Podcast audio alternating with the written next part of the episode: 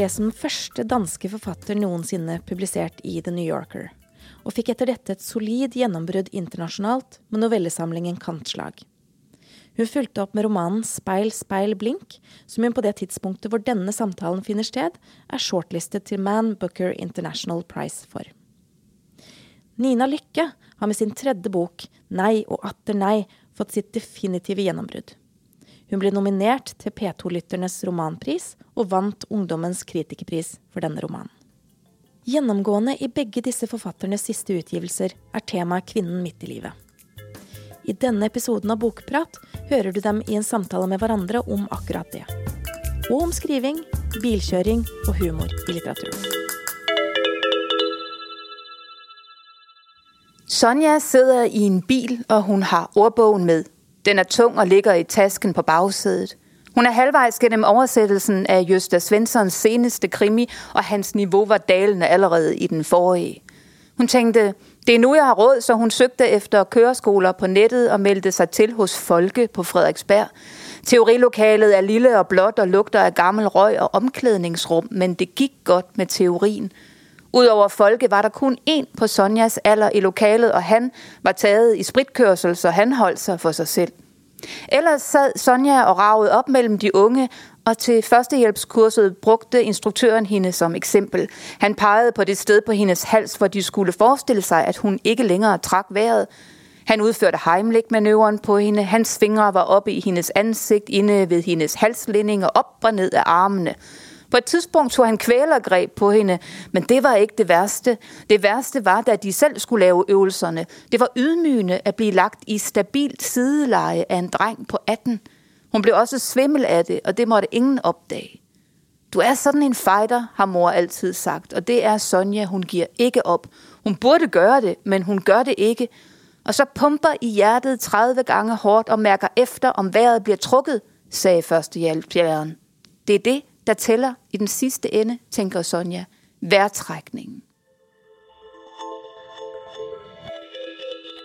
Hej Nina. Hej Dorte. Dejligt at møde dig her i Oslo. Ja, lige måde. Og virkelig skønt at, øh, at læse din bog. Øh, og se øh, kvinder og mænd udspille deres øh, kaotiske, øh, hemmelige liv i den. Mm. Øh, har været virkelig glad for at læse den. Som her med din sidste bog, Spejl, Spejl, Blinke. Ja, som lige er ude i, i Norge nu. Ja. Så, jeg læste den på dansk. Bare så du læste den på dansk? Men du har også boet i Danmark? Det har jeg. Ja. ja. og, og, og forstår derfor, hvad jeg siger. Ja, det. Godt. Vi skal jo tale lidt om, øh, om, om de karakterer og de temaer, der er i, i vores bøger, som spejler hinanden på mange måder. Mm. Øh, tænkte jeg, da jeg læste øh, din bog. Øh, og jeg ved ikke, skal jeg begynde at fortælle lidt om, om min hovedperson, øh, Sonja, fordi øh, hun, øh, hun har nogle, nogle ting, som som minder lidt om, om din hovedperson, øh, Ingrid, og så kan vi øh, ja. måske snakke om dem. Mm. Altså Sonja er um, lidt over 40 og bor i København, men stammer ikke fra København. Hun øh, kommer fra et øh, sted langt ude på landet i Jylland, og nu er hun så i sådan en, en, et sted i livet, hvor hun øh, ikke kan komme videre. Og hun øh, lever af at øh, oversætte svenske krimier, en meget pervers svensk øh, øh krimiforfatter, som hun altså så er tvunget til at leve med ind i hovedet, øh, hans øh, perversioner, kan man sige. Hun er et øh, uforløst øh, kvindemenneske, kan man sige, og øh, sidder fast i sit liv og har så besluttet, at nu vil hun finde en ny retning. Hun vil, uden hun egentlig har artikuleret det, emancipere sig, altså frigøre sig. Og det gør hun ved at beslutte at tage kørekort i en, eller tage lappen, som I siger i Norge, ja. øh, og, øh, og køre ud af København. Så det er setup'et for min bog, en kvinde øh, midt i livet, der vil øh, ændre retning. Det tænkte jeg meget på, Ingrid, øh, som du måske vil fortælle lidt om, øh, måske ja. minder om. Um det din bok begynner med, slutter jo på en måte min bok med, da, uten at jeg skal si noe mer om det. Det er fantastisk. så der er det jo noen paralleller bare der. Uh, men uh, de har jo to forskjellige liv på mange måter, fordi Ingrid er, ja, hun er ti år eldre. hun er gift, har to voksne barn som fremdeles bor hjemme. hun er lektor, altså fast jobb med masse mennesker og sånn. Eh, hun eh, har en mann som jobber i departementet. Et departement. Og hun har opplevd at eh, fylden er blitt borte. Eh, det livet hun levde før, det virker nå litt meningsløst for henne. Og grunnen til det er jo eh, på en måte skildret i boka, men det er ikke så veldig interessant, syns jeg. Eh, det er rett og slett Hun har kommet til en sånn stillstand. Og det er ingen rundt henne som merker noe, for hun holder det gående som før. Så hun har et sånt skall som lever sitt eget liv, og så har hun trukket seg tilbake til et sted inni seg. Og så driver hun og grubler og, og tenker om livet rundt seg, hvordan det framstår da, fra dette nye stedet. Hvor hun ikke lenger deltar i, i lesesirkler og, og eh, foreldresamtaler og alt det som hun holdt på med før. Altså Hun deltar i det, men hun er ikke der. Så det er henne. Og det er jeg Altså, jeg bruker jo meg selv i, når jeg skriver, selvfølgelig, det gjør jo alle. Uh, og jeg kjente meg jo veldig igjen i Sonja, i din hovedperson. Den, den der indre Det der forskjellen på det indre monologen og hvordan man oppfører seg utad, uh, det, det, kjenner jeg jo veldig igjen fra Ingrid. Uh, ja. Jeg tenkte også da jeg leste din bok, at at den følelse af ensomhed, de to karakterer har, og deres uh, forsøg på at komme øh, ud af sig selv, øh, var virkelig interessant. Må jeg spørge dig, hvor jeg tænkte dengang den, øh, din bog, hvor Ingrid også ender i en bil, øh, som Sonja ender i en bil. Hvordan, øh, hvordan nåede du hen til, til bilen som frigørelsesbillede? Det kom, øh, det voksede frem, Uh, rett og slett. Fordi at hun er i en, hun, Ingrid er i en sånn desperat uh, situasjon. Det tilspisser seg, da, hvor hun uh, møter et sånt vennepar, og det skjer ting ute på en øy og sånn. Og det kommer til et sånt punkt hvor det er krise, sånn ordentlig. Hvor alt er Ja. Men så er jeg litt sånn det, Nå er vi langt ute i boka, så jeg er litt sånn redd for de som ennå ikke har lest den. at de skal ja, miste interessen.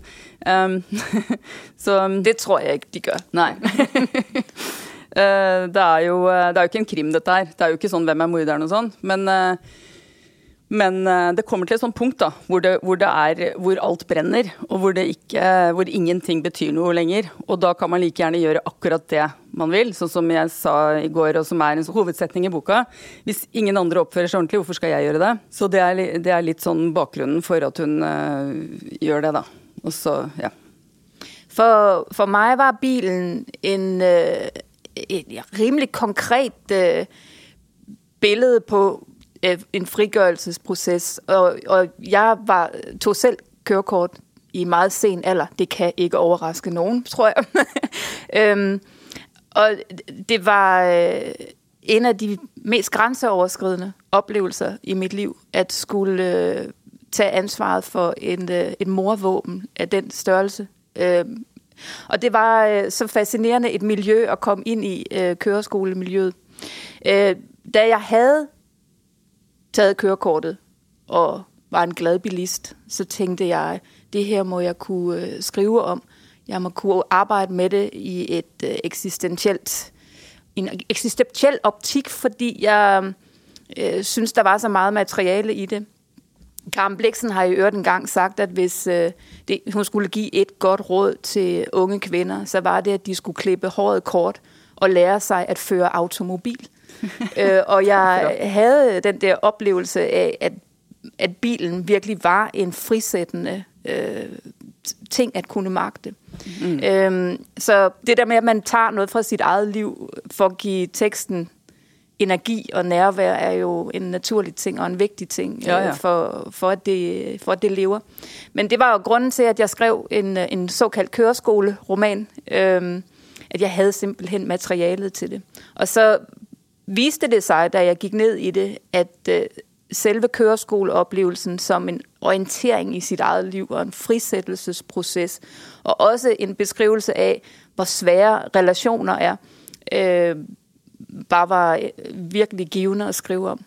Det var jeg, sjovt. Jeg kjente meg igjen fordi jeg faktisk Altså, jeg tok lappen da jeg var 23, og det var sett på som veldig sent. Selv om jeg vokste opp i Oslo, så, og ikke på landet, jeg. Så, uh, så, jeg følte meg veldig gammel når jeg tok lappen. Fordi jeg var 23? 23 gammel? Ja, ja, fordi alle var, alle De var ikke fylt 18 engang, for de skulle kjøre opp på 18-årsdagen, ikke sant. De som var sammen med, da. Uh, og da hadde jeg en veldig sjefete og autoritær kjørelærer som var um, uh, ja, nesten litt sånn ubehagelig innimellom, men som jeg følte meg veldig sånn hunsete av. da. Og da, så det er jo veldig parallelt til hun Jette. Uh, men jeg tenker også at er man altså På et eller annet tidspunkt så blir man ikke sant? Det er jo en grunn til at man skal i militæret og føde barn når man er veldig ung, for da er man så dum at man skjønner ikke hva man driver med. ikke sant? Og sånn er det med å ta lappen også. At du var kanskje rett og slett for gammel. Hadde jeg tatt lappen nå, jeg hadde ikke turt det i det hele tatt, for jeg hadde sett for meg katastrofer rundt hver sving. ikke sant? Så. Det virkelig sjove var at jeg var enormt god på glattbane. Altså de eldre kvinner øh, og menn, når vi kom ut på sånn prøvetestbane hvor vi skulle køre på is, der var vi gode. Men ja. de unge var enormt dårlige på glatbane. Mm. De kunne ikke finde ud af at, øh, at bremse. De havde ikke nogen mm. fornemmelse af fart. Øh, det havde øh, de midalderne. De vidste, at ting kunne gå galt. Så ja. vi var virkelig gode på glatbane, men øh, resten var jeg ikke så god til. Men det var, øh, det, det var meget fascinerende område at betragte. Og for eksempel, jeg har lige udgivet den her bog i Storbritannien og blev spurgt tit om, øh, om om det var almindeligt, at folk i Danmark ikke havde kørekort, øh, når de var midaldrende. Og ja, det er det. Og så spurgte jeg rundt i London, og så viste det sig, at det er også almindeligt der. Mm. Og det er det jo fordi, at når man har urbaniseret sig, og har boet hele sit voksenliv i en storby, så behøver du ikke køre bil. Nej. Øhm, du kan øh, faktisk meget nemt undvære en bil. Jeg vil i det hele taget ønske, at der ikke var nogen biler inde i byerne, fordi de er irriterende. Mm, det øh, men hvis du så vil bo et andet sted, hvis du vil bo i Wales eller Vestjylland, eller mm. øh, også i Norge garanteret langt væk fra øh, de større byer, ja. så er du nødt til at øh, magte bilen som køretøj. Mm, ja. Og det blev så også en, kan man sige, i Danmark i hvert fald en, en, en et politisk sted at betragte kørekortet fra. Mm. At den handlede om geografiske vilkår og geografisk virkelighed ja. og frihed. Og også hvorfor vi i verden i øjeblikket urbaniserer os så hæftigt, øh, og hvad er konsekvenserne mm. af det ja. for mennesker, ja. når de gør det. Ja. Sonja trives mm. ikke i storbyen og har levet det meste af sit liv der, hvilket jo er et, et paradoks. Men jeg ved ikke, hvordan det, situationen er i Norge. Jeg kunne forestille mig, at den er som i, øh, i Danmark og, og andre skandinaviske lande. I Norge har vi jo en, øh, et, i hvert fall i motsetning til Sverige, så har vi en veldig bevisst distriktspolitikk i Norge. Med å legge masse infrastruktur ut i, i de store byene rundt omkring, og ikke bare Oslo. Og, og småsteder også. Men, øh, men det tror jeg det er i hvert fall ikke, Sverige har det i hvert fall ikke, og tydeligvis ikke Danmark heller. Men Danmark er jo så lite, så man kan jo nesten bare rekke til ting. Men det skal du ikke sige til danskerne, fordi Nej. danskerne synes, de er enormt store. Ja, og, og når jeg er i USA og siger, at jeg bor ikke selv i København øh, længere, øh, og jeg siger til amerikanerne, at jeg bor tre en halv time fra København, så siger de, mm. well, that's short. Ja. Øh, men i Danmark er det øh, et helt andet land. Etter at hun flyttet hjemmefra som 19-åring, hadde Anne eid ni leiligheter og hatt 16-17 forhold, ikke inkludert one night stands. I begynnelsen hadde hver mann og hver leilighet virket like lovende og forfriskende, men før hun visste ordet av det, hadde hun brutt med en fyr eller lagt inn bud på en ny leilighet. Hvert eneste brudd og hver eneste flytting hadde begynt med en eller annen bagatellmessig irritasjon. En måte å gå på, en tendens til å gjenta visse ord, mugglukt i oppgangen eller bråkete barn i leilighetene siden av. Eller som nå, en stank fra badet som hadde overtatt hele leiligheten og til og med drømmene. En gang hadde hun gjort det slutt med en mann fordi han var kaldbeint og gikk med føttene vendt utover. En annen gang hadde hun forlatt en fyr som hele tiden brukte ordet rimelig, som i 'det var rimelig dårlig vær i helgen'. Hun hadde flyttet fra en leilighet der oppgangen var malt i en rødfarge som minnet om størknet blod. En annen leilighet hadde hatt en gebrekkelig balkong som ga henne høydeskrekk. Et sted lå det en trafikkert vei noen kvartaler unna, og når hun først begynte å legge merke til lydene fra denne veien, tok de over og økte på, helt til hun trodde hun skulle bli gal. Hør på det bråket, sa hun til alle som kom på besøk, slik hun nå spurte dem om de kunne kjenne stanken fra badet. Vi kan jo snakke om eh, det å være midt i livet. Eh, det er jo eh, er vi jo begge. Jeg mhm. litt mer enn deg, kanskje. Um, jeg er jo eldre enn deg. Ja, jeg, jeg er 46. Jeg uh, uh, 76, ja. Du er født i 76. Jeg er født i 70. I 70, Så jeg er, så jeg er 46, Ja, som vi siger netop, på dansk, netop. men Ja, vi ja, ja. har så mærkelige tal i Danmark, og det Ja. er svært at forstå på, på Ja. norsk. Eh, Ja. Jeg er født i 65, så Ja. da er vi fem, fem år eldre. Jeg er fem år eldre enn deg. Jeg trodde jeg var ti år eldre enn deg, jeg. Men det sjove ved at blive Ja, ja. ældre er jo, at, øh, at de der fem år betyder jo ikke så meget mere, som Nej. det gjorde, da man var yngre. Nu Nej, er vi er- jævnaldrende. Ja, vi er ikke? prosentvis snart like gamle som Ja, jeg vi er lige gamle. De der fem år er, Ja, ikke er, sant? Da betyder jeg, ikke noget. da jeg skulle ta lappen, så var jo de fem årene veldig betydningsfulle. For da var jeg 23, og de var 18. Men nå er det jo, som du sier, helt eh, Ja. Nu er, det, nu er det lige meget. Ja. Nu, nu Lige er vi meget. i den samme, lige meget, og nu er vi i den samme øh, livssituation, Ja. som er interessant. Mm. Øhm, øh, og også interessant at skrive om, øh, skrive om, om kvinder i, i en, øh, en fase, hvor de må slippe øh, konventioner og forestillinger om, hvordan øh, de vil leve. Ja. Og må slippe de roller, de har haft Ja.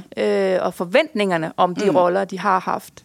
Øh, jeg plejer at sige, at øh, man er meget efter midalderne kvinder med at sige, det er jo hormoner, det hele, og noget af det øh, også hormoner, men meget af det er jo også en form for opvågen, en form for erkendelse Ja. af, at nu er livet endelig mit, og ikke Ja. alle de andres. Ja. Ja. Øh, nu kan jeg selv få lov til at bestemme, øh, hvad jeg vil, øh, og ikke lade, hvis man har børn, lade børnene styre det, eller manden, eller jobbet. Ja. Så det Ja. er sådan en, jeg oplever det som både en, en, en tung og vanskelig eksistentiel periode, fordi man skal ændre sig og ændre sine vilkår, Ja. men også meget frigørende. Det jeg tenkte på var eh, dette med kvinners eh, rev... Altså jeg tror jo at mye, mye er, har sin årsak også i biologien. Fordi kvinner, da er butikken stengt når du er 45, eh, for de aller fleste. Kanskje 40 også, ikke sant? Der, der er det et sånt punkt. Menn kan holde på, altså nå snakker jeg om å få barn, ikke sant? Menn kan jo holde på, og det er en forbannelse for dem, på en måte, mener jeg. Fordi jeg ser jo disse gråhårete jevnaldrende som går og triller på nye barn med en ny kone ved siden av seg, ikke sant? Det er jo et, det er jo et helt standard syn etter hvert. Øh, på fester og sånn så kommer det plutselig en ny partner som er en generasjon yngre. Kanskje 20 år yngre, ikke sant? Og det er det ingen som, som ler på øyebryn, øyebryna av.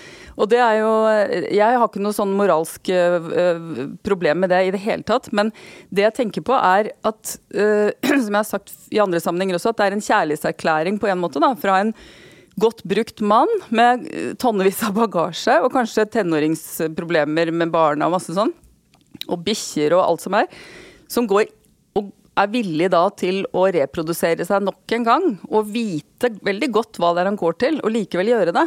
Fordi han vil ha denne kvinnen, da. ikke sant? Så, sånn kan man også se på det. ikke sant? Ikke bare sånn at at, eh, ja, ikke, altså jeg, jeg, og, og jeg tenker sånn, Hadde de også vært uproduktive, eller ikke reproduserbare, eller hva det heter for noe, når, når, altså ikke-fertile, da, når de var 45, som vi, eller 40 eller sånn, sånn som vi har, så ville jo ikke den muligheten vært der for dem heller. Og det ville kanskje vært eh, kanskje også en velsignelse. Fordi at alle snakker om at det er så synd på kvinner for vi kan ikke få barn til vi er 90 og sånt. Er det helt fantastisk at vi ikke kan det? For da er det et punkt hvor vi liksom er nødt til å stoppe med det der. Ikke sant? Ja, hvor vi slipper. Hvor, Hvor vi slipper, ja, hvor vi slipper for Ja, at forholde slipper os unna. til det. Du beskriver det jo meget fint i din uh, roman, uh, den byrde det er for, for Jan-figuren. Uh, netop at, at blive ved med at gå fra det ene i Ene den ene det situation. Ja, præcis, fordi han kan Ja, ja, ja. øh, reproducere sig. Øh, det er meget præcist, men, og det er jo også i, i den periode, hvor kvinder øh, bliver meget, altså jeg tror altid kvinder er en lille bitte smule farlige for mænd, men i, i den der periode bliver vi virkelig farlige, fordi Ja. ja. vi også bliver øh, kompromilløse i vores, kan blive det. Øh, vi siger det, vi ikke har sagt før Ja, ja. og vi bliver mere radikale. Mm. Vi lukker vreden ud. Ja. Vi lukker øh, længslerne og irritationen ud. Ja. Og, og siger, at det er hormoner. Og, men noget Nej. af det er jo virkelig eks, et, sådan en eksistentiel forløsning. Det er jo fravær av hormoner. last. Ja, det er fravær av hormoner. Altså Ja. det, det jeg mener er at det er da man er den man egentlig er. Fordi eh, det er jo da, da, da har man ikke lenger de eh, the lubricant, altså den der som smører maskineriet, sånn at du skal være reproduserbar og, og tilgjengelig og, og vennlig og hyggelig og ha sperre mot å være slem og sånn. For at da da, du, da, kan du få barn. Da kan du lokke til deg folk som vil gi deg barn. ikke sant? Der er vi inne i biologien igjen. da. Precis. Men så, så kommer du ut som sånn gærning. Og så tenker folk at det, det, er noe spesielt. Men det er jo det som var før, som var noe spesielt. Som var Det er liksom min uh, mening, da. Som jeg syns jeg ser bekreftelse på hele tiden. Og jeg, jeg, er meget enig, og så det også i din beskrivelse av, av figuren Ingrid, at hun spør seg selv er det nå jeg er ja. sindssyg, eller var det før jeg var ja. sindssyg? Er jeg gal nå, eller ja, før? Ja. Og, og jeg genkender det også, altså den splittelse der, hvor man tenker, hva i all verden har jeg lavet de sidste 20 år? Ja. Øh, min, mine valg har ikke været begrunnet i fornuft. Nei, det har jo ikke det. Altså, verden er overbefolket. sånn at uh, hvis man ikke får barn, så gjør man uh, alle en tjeneste. så også så. derfor kan man si at den uh, periode i en kvindes liv er meget interessant å beskrive litterært. Ja. Og jeg ved fra Danmark, at der i 60'erne blev skrevet en bog, der hed En kvinde på 40, som vandt uh, romanpriser, og skrevet af en mand, der hed Lex Fischer. Og jeg kan huske, at jeg læste den og tænkte, jamen, jo, det er meget godt, men der er virkelig noget, han ikke har opdaget. Og jeg tror, det skal skrives indefra. Ja, ja. Helt det skal klart. det. Ja. Men øh, meget, jeg, jeg synes, det har været utrolig spændende at, at læse din version om det, og, og se, at du erfarer det samme, som jeg prøvede at sætte Sonja ud i, selvom Sonja er alene. Sonja ikke har reproduceret sig. Sonja ikke lever i øh, faste parforhold, men er en, det man på engelsk vil kalde en misfit. Altså en, der ikke passer ind i det konventionelle liv. Og der bliver det at blive midalderne jo lige pludselig muligheden for faktisk at udleve sin, sin ja. anderledeshed øh, og holde op med at være en uh, utilpasset kvindelig karakter, fordi nu er det jo slut. Øh, nu, er, nu er muligheden slut, som ja. du siger. Ikke? Ja. Så derfor kan man tage, tage fat på sit eget liv. Øh, og jeg tænker også på det her med det konventionelle liv, altså leve et traditionelt øh, kvindeliv, øh, eller bare et konventionelt familieliv. Øh, hvordan det påvirker øh, dine karakterer også, og hvordan det at stå uden for det påvirker Sonjas beslutninger. Øh, og om at øh, slippe tanken om at komme ind i det konventionelle, og hvor ja. Ingrid slipper ud af det konventionelle. Ja. Man møtes jo på en måte igjen, da, de kvinnene som har fått barn, og de som ikke har fått barn, når man kommer over, øh, over den alderen, som er sånn ca. 40-45. For da vil jo de som har fått barn, oppleve at barna forsvinner. Så, så, da vil man jo være på en måte et, et likt sted, da. Selv om de, noen på en måte kaster seg inn i barnebarntilværelsen også, ikke sant? og lar seg oppsluke av det. Så er det jo, og, og da begynner liksom, da er vi tilbake på, ved start, ikke sant? så er det jo veldig sånn eh, likt. Altså da, da, er vi likere, da, plutselig. Etter mange år med veldig ulike liv. De to, altså de som har fått barn, og de som ikke har fått barn. Men altså, jeg tenker sånn, Mikkel Bugge på Litteraturhuset i går, han sa jo at og som er helt eh, riktig, at fødselstallene synker i den vestlige verden. ikke sant? I Tyskland er det jo helt ekstremt. Da er det jo veldig lave fødselstall. Og Italia. Og også i Danmark, hørte jeg.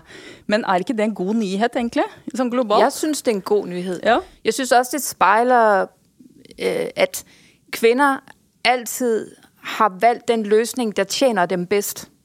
Og ja, i, i den ja. periode hvor vores samfunn var enda mer patriarkalske enn de er nå, der var kvinderne, der valgte kvinderne jo at gå inn i ægteskaberne, øh, fordi det var der, de kunne leve ja, bedst og overleve bedst. Ikke?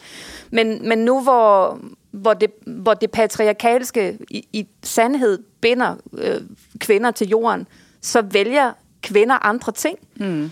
Øh, og jeg tror, at kvinders valg meget godt spejler, hvordan et samfund egentlig har det fordi øh, kvinder vil altid vælge, hvad der er bedst for dem selv i den situation. Mm, så ja. når kvinder vælger ikke at få børn, så er det fordi, at de oplever, at arbejdsmarkedet måske heller ikke kan rumme, at de har dem. Ja, ja. Så øh, selvom det er et godt tegn, så kan man sige, at det måske også er et tegn på, at vi har samfund, der ikke respekterer, at kvinder får børn. Ja, det...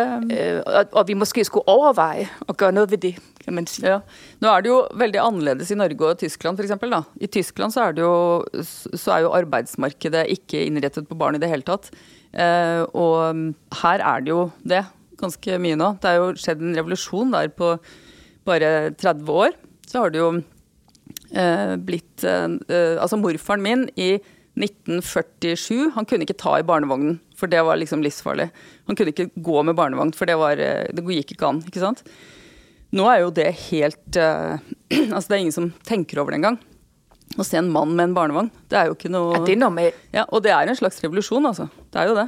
For det var helt annerledes før. Det, der er specielt i Danmark, er jo så, at alle dem, der får børnene, bor i København eller Aarhus, Oh. fordi eller alle, nu overdriver jeg, men, men det der sker er jo, at de unge, og særligt de unge kvinder, øh, forlader øh, de Ja. øh, landlige områder og flytter til øh, Aarhus og København og andre større byer. Og så får de barn Og med så godt de brukte børn. menn. Som ja, har barn meget før. godt brugte mænd i, i lidt, i, i lidt lækre ja. læderbukser. ja. I stilige læderbukser. Jeg havde en amerikansk øh, forfatterkollega på besøg i København, da jeg stadig boede der, og han så på redsel, med redsel på mig og sagde, hvorfor er her så mange barnevogne? Jeg har aldrig set så mange spædbørn i mit liv. Man kan ikke komme ind på en café, uden at der sidder 10 kvinder og ammer. Hvorfor er her så mange babyer? I må jo have et babyboom. Og jeg sagde, nej, men de unge kvinder bor her. Mm. Øh, Og går ud. Ja, og ja. går ud og får deres børn og urbaniserer sig. Nu bor jeg meget langt fra København nu, ude på landet. Og der er billedet jo modsat. Der bor næsten kun ældre mennesker. ja. Og, og de børn, øh, de kvinder, der får børn, der er jo pionerer, kan man sige, fordi de insisterer på at, øh, at leve derude og, og få børn. Men det er en, en, øh, en uheldig, skæbnesvanger, skæv balance. Ja, du skriver jo boka om skoler som blir nedlagt, og bønder som kjøper opp all, alt og blir sånn stor, storbønder og sånn. Der er landsbyer i Danmark, der er på vej til at forsvinde. Ja. Og det er sket på 25 år. Kanskje sånne øko-nederlendere og tyskere kommer og blåser liv i det, sånn som de gjør her i Norge. Øh, Ja, og og, sådan- men centraliseringen har været voldsom i Danmark. Og, Ja. og det er jo et problem, når et land kun har en million by.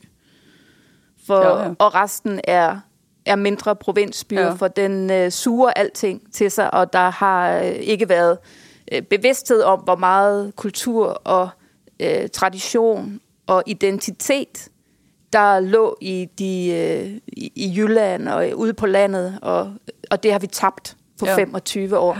Så der, det er en kæmpe identitetskrise i Danmark, hvor, som, hvor der sker det samme, som der også sker i USA og mange andre steder lige nu, hvor eliten, som de så forfærdeligt bliver kaldt, øh, det vil sige de urbaniserede, øh, ikke kan lide dem fra The Badlands, og, og hvor der opstår ja. meget stærke politiske konflikter, øh, som vi ser over det hele. I mm. hvert fald øh, hjemme hos os i Danmark.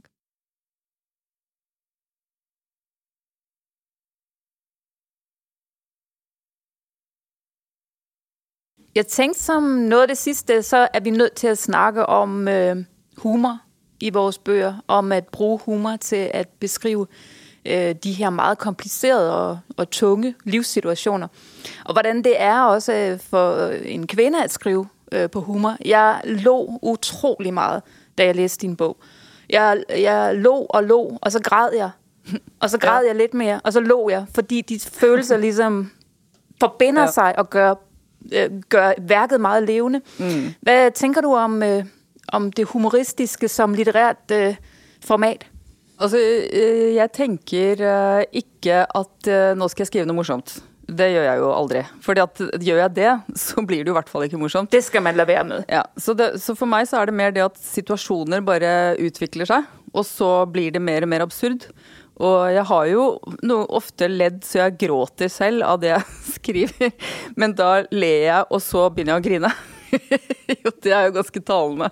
Præcis. Det Så- sidder jo det samme sted i hjernen, Ja, latteren og gråden. Ja, det gjør det, ja. Ja. ja.